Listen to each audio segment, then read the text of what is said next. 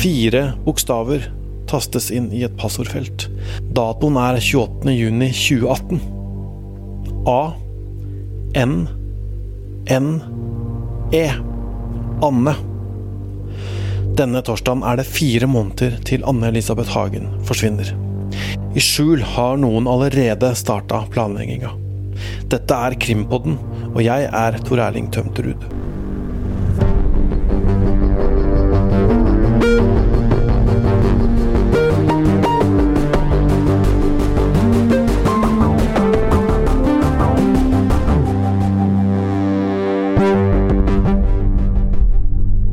Øystein, du har jo jobba lenge med den saken her, og dagens episode dreier seg om dette kryptosporet. Og det har kommet nye opplysninger fra politiet nå. Du har snakka med dem. Hva har du fått vite?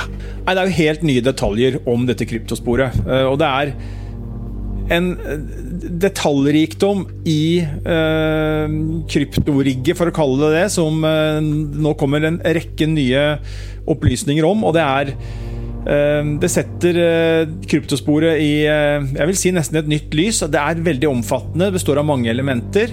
Det dukker opp en ny type kryptovaluta vi aldri har hørt om i denne saken før.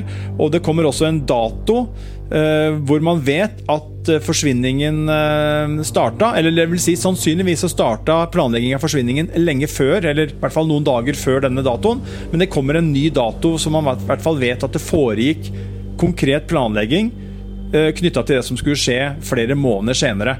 Så det er mye nytt som kommer om kryptosporet nå, Tor Erling. Og etter mitt skjønn så er det ikke tvil om at dette er ting som spisser jakten, og som gir et veldig godt bilde i, i hvor politiet står når de nå jager en eller flere eh, kryptobakmenn, for å kalle det det. Vi må tilbake til det som blir skrevet på tastaturet.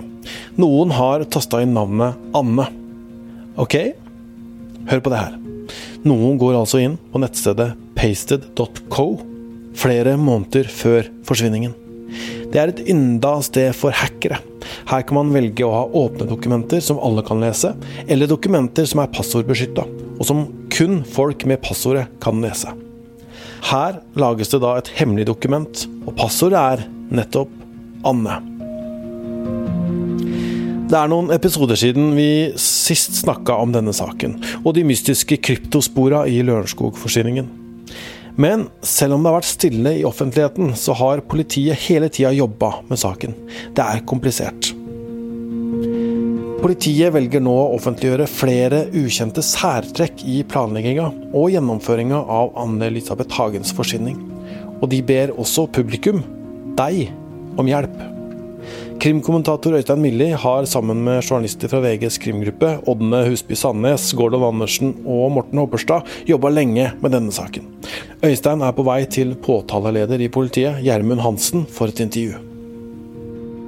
Dette er jo en del av helheten. og vi, vi, har mye informasjon i saken. Vi har også en del informasjon som vi ikke går ut med. og Da er det helt klart et pågående arbeid. Det tar tid, det er krevende. Eh, nå ser vi at vi kan være tjent med å gå ut med mer enn det vi har gjort tidligere. Vi ønsker å gi publikum et bedre grunnlag for å gi eh, relevante tips. og Derfor er vi også tydeligere eh, når vi nå går ut.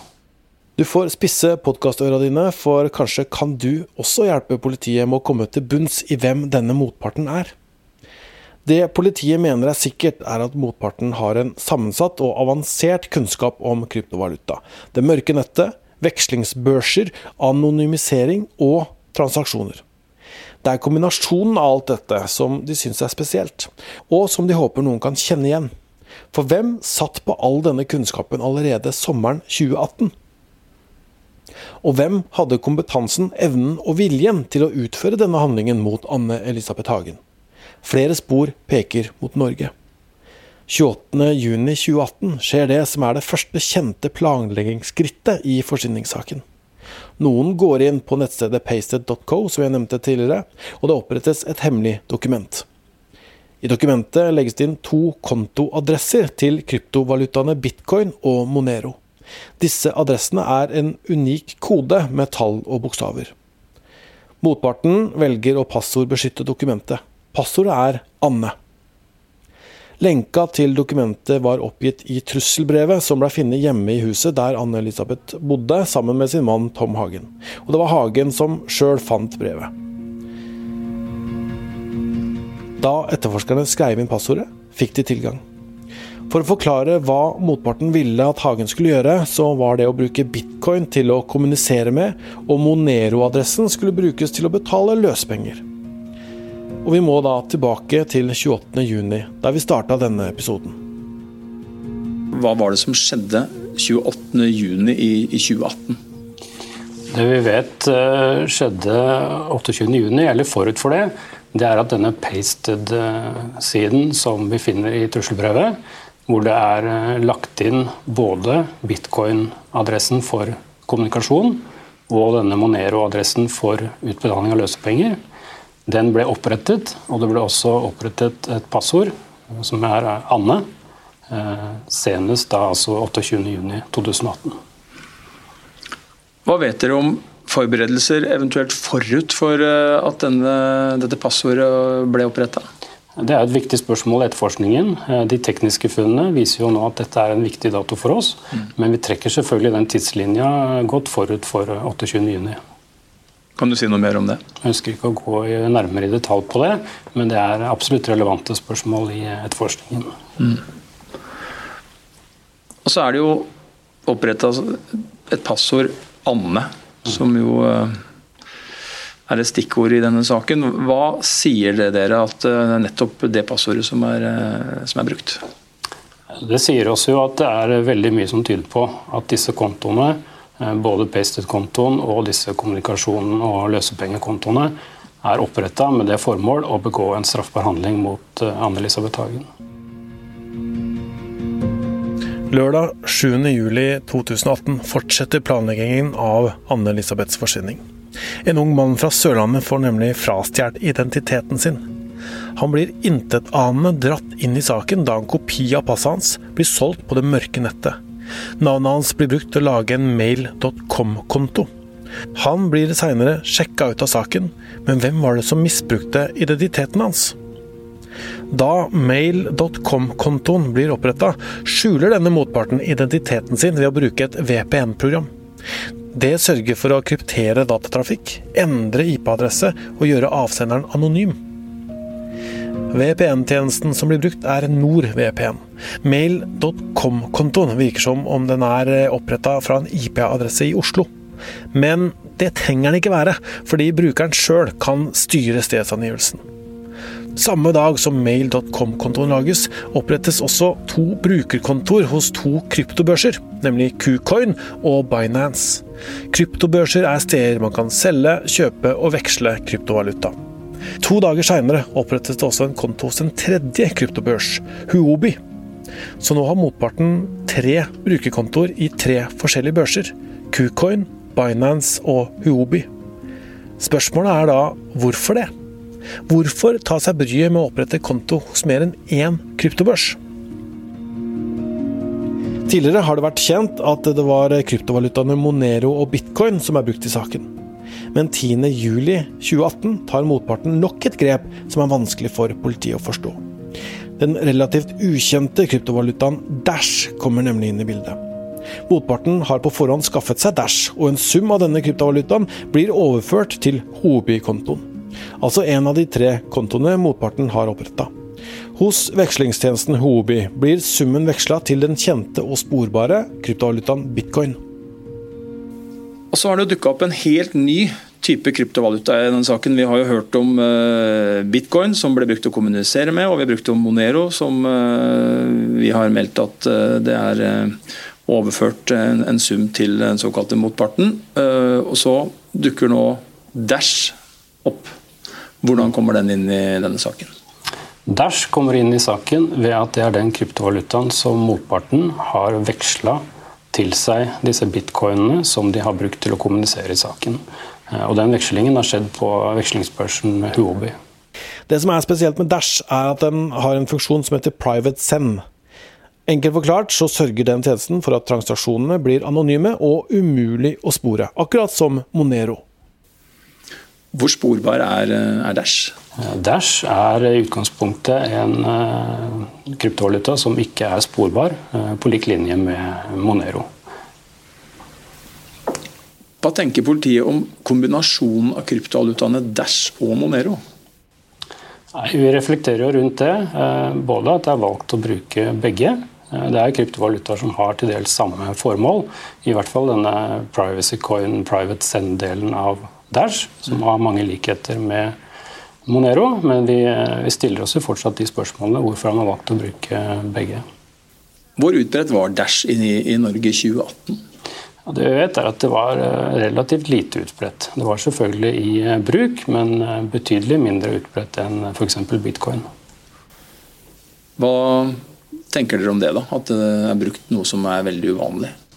Nei, Det er jo de tingene vi ser på. Hva kan dette si om de som har lagd dette krypoppsettet, og de som har forberedt denne handlingen? Vil du si at det snevrer inn den gruppe personer som kan være involvert i denne kryptobiten? Ja, vi mener at det samla sett eh, kan eh, bidra til å snevre inn det antallet. Om det er 10, 100 eller 1000 er på en måte ikke så viktig. Her ønsker vi å gå ut med de eh, særtrekkene vi har mm. og se dette i sammenheng. Og det å bruke Monero og Dash er jo i seg selv ikke unikt. Det kan være mange som har gjort det, men eh, når vi ser det opp mot den straffbare handlingen og opp mot de taktiske opplysningene i saken, så mener vi at det kan være relevant å se på det. Så er det jo brukt uh, bitcoin i tillegg, så det er liksom tre kryptovalutaer. Det er Dash, Monero, bitcoin. Uh, har dere noen tanker rundt at det er uh, liksom tre ulike kryptovalutaer? Ja, Det er jo ting vi reflekterer mye rundt. og Det viser jo i hvert fall en eh, selvsikkerhet og en kompetanse på å benytte tre kryptovalutaer på en anonymisert måte. Men hvor peker egentlig sporene? Trusselbrevet som lå i huset til Hagen-ekteparet i Sloraveien, blei skrevet på gebrokket norsk med innslag av engelske ord. Tidligere i år kom det en rapport fra språkeksperter som har analysert brevet. Konklusjonen var at brevet mest sannsynlig er skrevet av én eller flere personer med norsk som førstespråk. Etter det VG kjenner til, så er det en sentral polititeori at nordmenn kan være involvert i kryptovalutaoppsettet. Disse digitale sporene som vi snakker om nå, vil du si at de peker i retning av noe bestemt land? Jeg ønsker ikke å gå inn på de vurderingene vi gjør rundt det. Litt av formålet med å gå ut er nettopp å gå ut åpent og bredt. Eh, og vi håper at publikum også kan bidra til å opplyse det spørsmålet. Eh, hva betyr alle disse tingene samla sett? Vil du si at noen spor peker mot Norge? Noen spor peker mot Norge, men det er jo sånn at den eh, virksomheten som er på internett og i kryptovaluta, den peker jo egentlig til, til hele verden sånn per definisjon. Mange av disse stegene som vi nå har snakka om, blei gjort før Anne Elisabeth Hagen forsvant. Passordet Anne, ID-tyveriet og opprettelser av kontoer på tre ulike kryptobørser. Så blir det stille helt fram til 31.10.2018. I løpet av den formiddagen så utsetter noen Anne Elisabeth for en grov forbrytelse, og hun forsvinner fra sitt eget hjem i Sloraveien. Det tar lang tid før offentligheten får vite om forsvinningen. En telefonsamtale med sønnen klokka 9.14 er ifølge politiet det siste sikre livstegnet. Samme dag klokken 14.08 så melder Tom Hagen kona kidnappa. Han forklarer at han har funnet et trusselbrev i huset, på en rød stol i gangen. I brevet er det en detaljert oppskrift på hvordan han kan skaffe kryptovalutaen Monero til en verdi til nærmere 90 millioner kroner. I brevet dukker det bl.a. opp navn som Cumberland og DV Trading. Det er navn på to finansielle institusjoner som er relativt ukjente for folk flest. Jeg har i hvert fall aldri hørt om dem. De er mest kjent blant rikinger, og kan på forespørsel skaffe store mengder kryptovaluta. Politiet mener at dette kan tyde på at motparten allerede i 2018 hadde inngående kunnskap om hvordan man kunne skaffe store mengder Monero på dette tidspunktet. I brevet er det også en detaljert oppskrift på hvordan Tom Hagen skal kommunisere med motparten ved hjelp av koda bitcoin-meldinger. Tolv ulike bitcoin-beløp. Tolv betydninger. Vi tar for oss noe av denne kommunikasjonen. For fredag 2.11.2018, tre dager etter forsvinninga, overfører politiet for første gang bitcoin til motparten. De overfører et beløp som ligner koden til denne beskjeden. Jeg sender Monero før om sju dager. Denne dagen sitter Tom Hagen i samtale med en av Kripos fremste eksperter på kryptovaluta. Hagen og familien holdes i skjul på Thon hotell Arena i Lillestrøm, mens politiet i hemmelighet etterforsker det de tror er en kidnapping. Hagen får spørsmål om hvordan han ville gått fram for å kommunisere med motparten uten å involvere politiet, slik det sto i trusselbrevet. Han svarer at det ville han ikke klart, og betegner seg selv som teknisk tilbakestående. Åtte dager seinere, 10.11, svarer motparten med følgende beskjed. Dårlig tid, fort eller hun er død.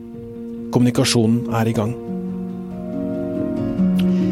I etterkant analyserer etterforskerne motpartens transaksjoner og oppdager noe merkelig.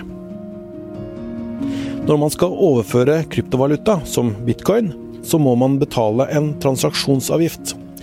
Dersom man velger å betale en forhåndsbestemt høy avgift, kommer forsendelsen raskere fram.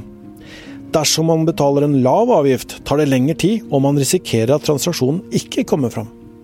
Motparten velger ved flere anledninger å betale en svært lav transaksjonsavgift når de skal kommunisere med Hagen etter forsvinninga.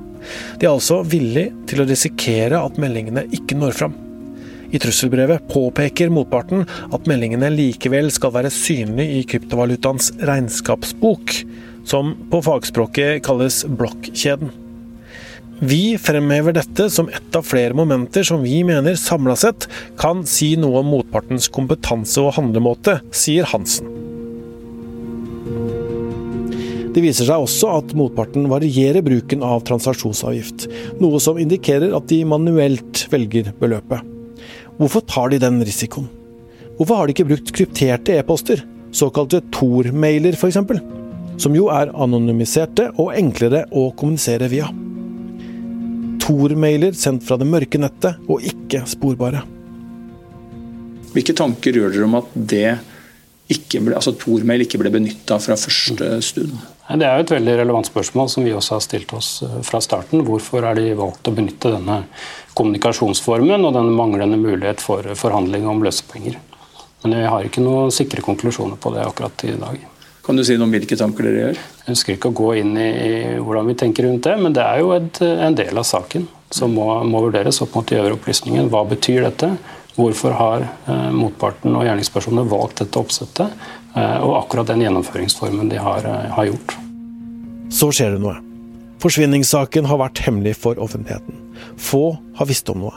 Men 9.1.2019 så skriver norske medier for første gang om saken. Og nå har motparten bestemt seg for å kommunisere via krypterte Tor-mailer. 16.1 mottar Tom Hagens advokat Svein Holden en e-post. Motparten bytter rett og slett plattform for kommunikasjonen. Men dialogen med motparten renner ut i ingenting i løpet av 2019. Den siste meldinga, også den via en Tor-e-post, kommer 8.7. Da skriver motparten at det vil være en tabbe for Tom Hagen å fucke dem. De krever en delbetaling av det opprinnelige beløpet på nærmere 90 millioner kroner. Dagen etter så betaler Tom Hagen 1,35 millioner euro i Monero med politiets hjelp. Det tilsvarer ca. 13 millioner kroner. Etter det blir det stille. Motparten ser ut til å forsvinne fra alle plattformer. Så det Vi undrer oss over helheten her. Alle disse enkeltelementene, og vi kan kalle det særtrekkene, selv om de enkeltvis kanskje ikke er så sære og unike. Men samla sett så undrer vi oss jo hvem, hvem hadde den kompetansen i 2018, og hvem hadde både evne og vilje til å eh, utføre denne handlingen mot eh, Anne-Elisabeth Hagen. Og Som dere ser det, så kan ikke det være et uh, uendelig antall mennesker? Nei, vi mener at det er en begrensa krets av personer, både nasjonalt og internasjonalt. Så vi ønsker jo publikums hjelp å komme i retning på det området der. Vi har tidligere snakka med kryptoekspert Torkel Rogstad. Nå er han på VG-huset for å gi sin vurdering av de nye opplysningene. Øystein treffer han på et møterom i sjuende etasje en formiddag. Vi er spent på hva du tenker. Du var litt småkryptisk i kommunikasjonen, Ville? Ja, jeg var jo det. det. Nå setter jeg bare den på opptak. Ja. Du får lese manus. Mm. Det er nesten helt ferdig. Det sitter folk og jobber med det mens vi sitter her. Mm. Det jobbes ganske intenst i kulissene for å bli ferdig til publisering på mandag. Politiet er jo egentlig ute etter noen som kan si noe om eh, Vet vi om noen som kunne alt dette her i 2018? Ja. Eh, helheten i det, på en Mm. måte. Eh, Ja. Så du kan gjerne, nå leser du bare gjennom, og så ser du Ja. eh, hva Ja. du syns, og så kan du stille spørsmål etter hvert. Da. Ja. ja. Den ellers travle redaksjonen vår er prega av at mange er på hjemmekontor. Det er uvanlig stille. Møterommene er stort sett ledige. Rogstad får lese artikkelen som Øystein og våre andre VG-kolleger har skrevet. Han noterer på et ark. Tenker, leser. Stiller Øystein noen spørsmål før han leser videre. Hvordan vil du beskrive det du har lest nå? mange bevegelige deler i et puslespill. Eh, som, eh, hvor, hvor alle sammen skal klaffe på en eller annen måte. Og du skal kanskje være gjennom alle delene uten å legge igjen noe spor. Om jeg skulle på noen, så hadde jeg kanskje prøvd å redusere litt antallet puslespillbiter. Eh, men, eh, men det er klart at det er jo eh, en, en, ganske mange ulike ting her. Man må sette seg inn i og, og, og gjøre alt riktig med for ikke å bli avslørt her. Ser du noen god grunn til at man har valgt å bruke så mange ingredienser i dette kryptorigget?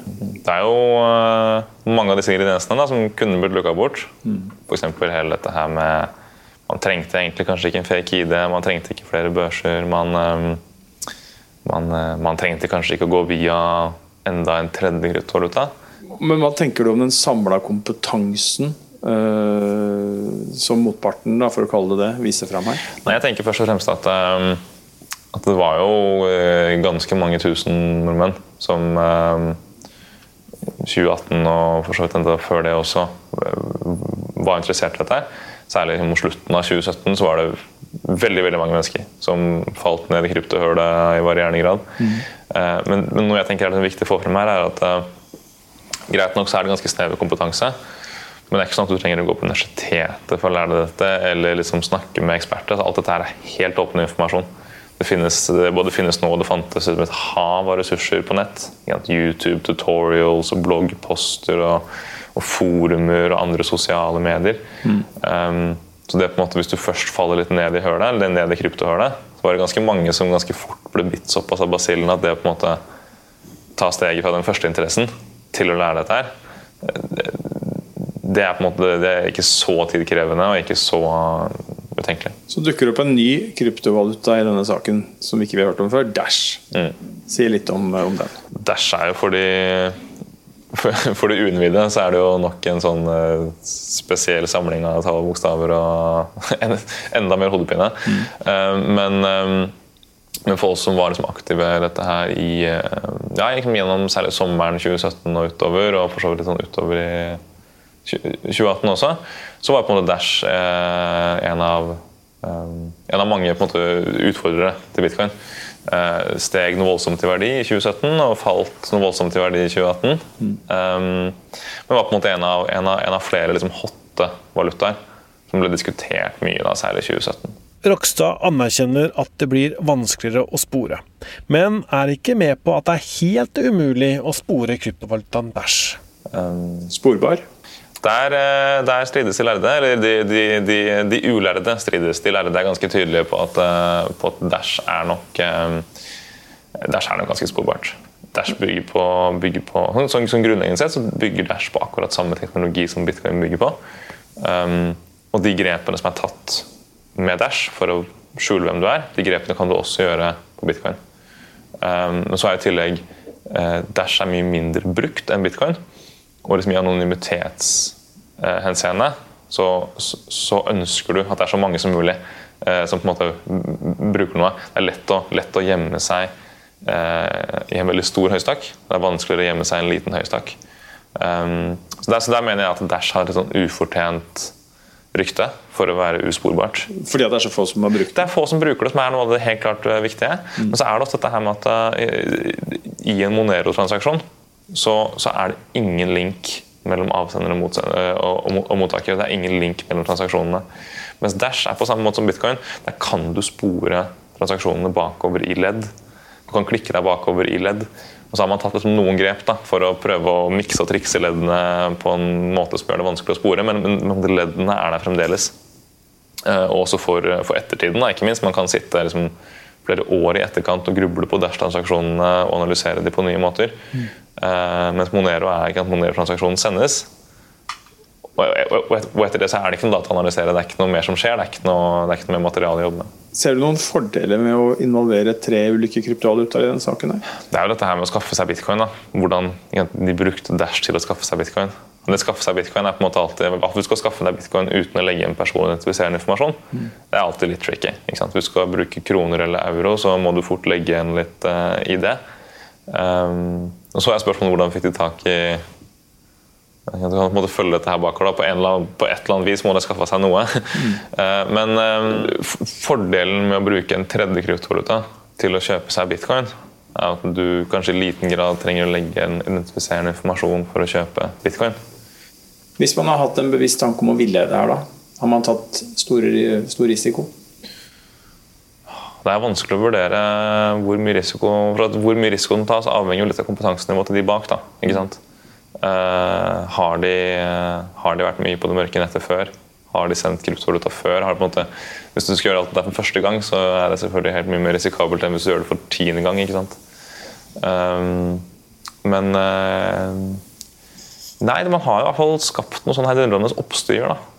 Hvis, måte, hvis, hvis, formålet er å villede og skape kaos og, og liksom jeg vet ikke om det er å snakke om å villede politiressurser på, på, gale veier, men det har i hvert fall diskutert opp og ned. Mente. Det er masse, masse ressurser, sånn sett er det veldig vellykka forsøk på fall, å skape sirkus.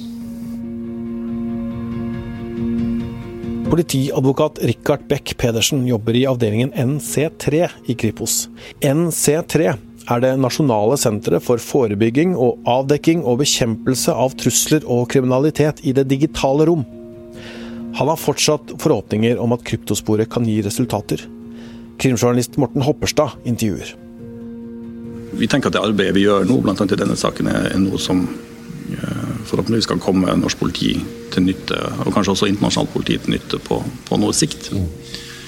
Det er viktig for, for politiet at vi, eh, vi, lærer oss hvordan dette fungerer, og at vi forsøker å finne, finne veier gjennom denne krypteringsmuren. Da. Hvor mange kan ha hatt denne kunnskapen både om Dash, men også om oppsettet i sin helhet? det, er vanskelig å si. Altså, vi, du må nok være, ha en, kapasitet på, på teknologi og, og, kryptovaluta mer spesifikt for å, å rigge dette, det vi ser. Så, men det er på ikke på ingen måte en kapasitet som er uoppnåelig, eller som det kun finnes en av i hele, i hele verden. Det tror jeg ikke. Men, men, det skal egentlig ikke veldig mye kompetanse til for å gjøre ting ganske vanskelig. Kan man si. Så, så jeg vil nok forvente at det, det finnes uh, sikkert flere som vil kunne beherske denne fremgangsmåten. Det tror jeg absolutt. Mm. Mm. Nå velger jo politiet å gå ut med å offentliggjøre en, en, del av det, de særtrekkene ved kryptosporet. At man må se det i en sammenheng og, og be om tips fra, fra publikum. Hva, hva, slags tips ønsker man å og, og, og helt tatt forventer man å få, i og med at det er så krevende? Det måtte jo være at uh, noen andre enn oss kan se likhetstrekk uh, mellom den metoden som er benytta her, og, andre Eh, om ikke straffesaker, men andre eh, transaksjoner eller kryptovaluta. Eh, hendelser man har vært borti. Og hvis man har kunnskap som rimer litt med det bildet vi ser nå, så vil det være interessant for politiet å, å, se på. Til sommeren så er det tre år siden motparten tasta inn Anne i et passordfelt på internett. En av en lang rekke med forberedelser. Motparten har tatt mange grep for å skjule spora sine. Det har gjort etterforskninga komplisert og utfordrende. Vi skal tilbake til påtaleleder Gjermund Hansen, som virker optimistisk. Hva vil du si om uh, muligheten for å komme i mål på denne saken? Altså, vi jobber for fullt. Vi mener fortsatt at vi har relevante arbeidsoppgaver og en rekke relevante etterforskningsskritt. Eh, å utføre. Og vi mener at vi jevnlig får informasjon som er med å opplyse det totale bildet. Eh, nærmer dere dere en løsning, vil du si det? Jeg ønsker ikke å gå i detalj på det, men vi jobber på. Tom Hagen og en mann i 30-åra er fremdeles sikta i saken. Begge nekter straffskyld. Politiet ønsker ikke å gå inn på mistankegrunnlaget mot noen av dem. Oppsummert eh, etter å ha hørt alt dette her, hva er ståa i denne saken, sånn som du ser det nå, Øystein? Det er jo nye og rystende detaljer om planleggingen som kommer frem. og Det forteller i hvert fall meg at hele dette kryptorigget er mye mer komplisert, mye mer sammensatt, og man kan godt si mye mer utspekulert enn eh, jeg klarte å forestille meg. Og det, det har gått kaldt nedover ryggen min uh, flere ganger når jeg har holdt på med dette her. fordi at jeg har aldri sett maken jeg, uh, til planlegging og til bakteppe i, i, en sånn sak. Det er, eller i en kriminalsak. Det er et helt ubegripelig bakteppe. Og det er jo med på å gjøre denne saken helt unik. Vi vet jo voldsbiten, som er ekstrem. Noen har gått inn og henta en nesten 70 år gammel dame hjemme i huset sitt uh, og enten tatt henne med som en kidnapping eller drept henne på stedet. Det er liksom voldsbiten av det. Og så har vi dette vanvittig uh, detaljerte kryptorigget ved siden av, som jo også illustrerer hvilken kynisme At det er en kynisme som mangler sitt sidestykke, som ligger bak her. Hvis du har tips til politiet, så kan du levere dem via lenka 'Tips i Anne-Elisabeth Hagen-saken', som ligger på tipspolitiet.no. Krimkommentator Øystein Milli har sammen med VGs krimgruppe, journalistene Ådne Husby Sandnes, Gordon Andersen og Morten Hopperstad jobba lenge med denne saken, og de har bidratt til all journalistikk i denne episoden. Produsent for Krimpodden er Vilde Våren. Jeg heter Tor Erling Tømtrud. Musikken lages av Ronny Furuvik. Magne Antonsen er teknisk ansvarlig. Krimpodden er tilbake torsdag med ny episode.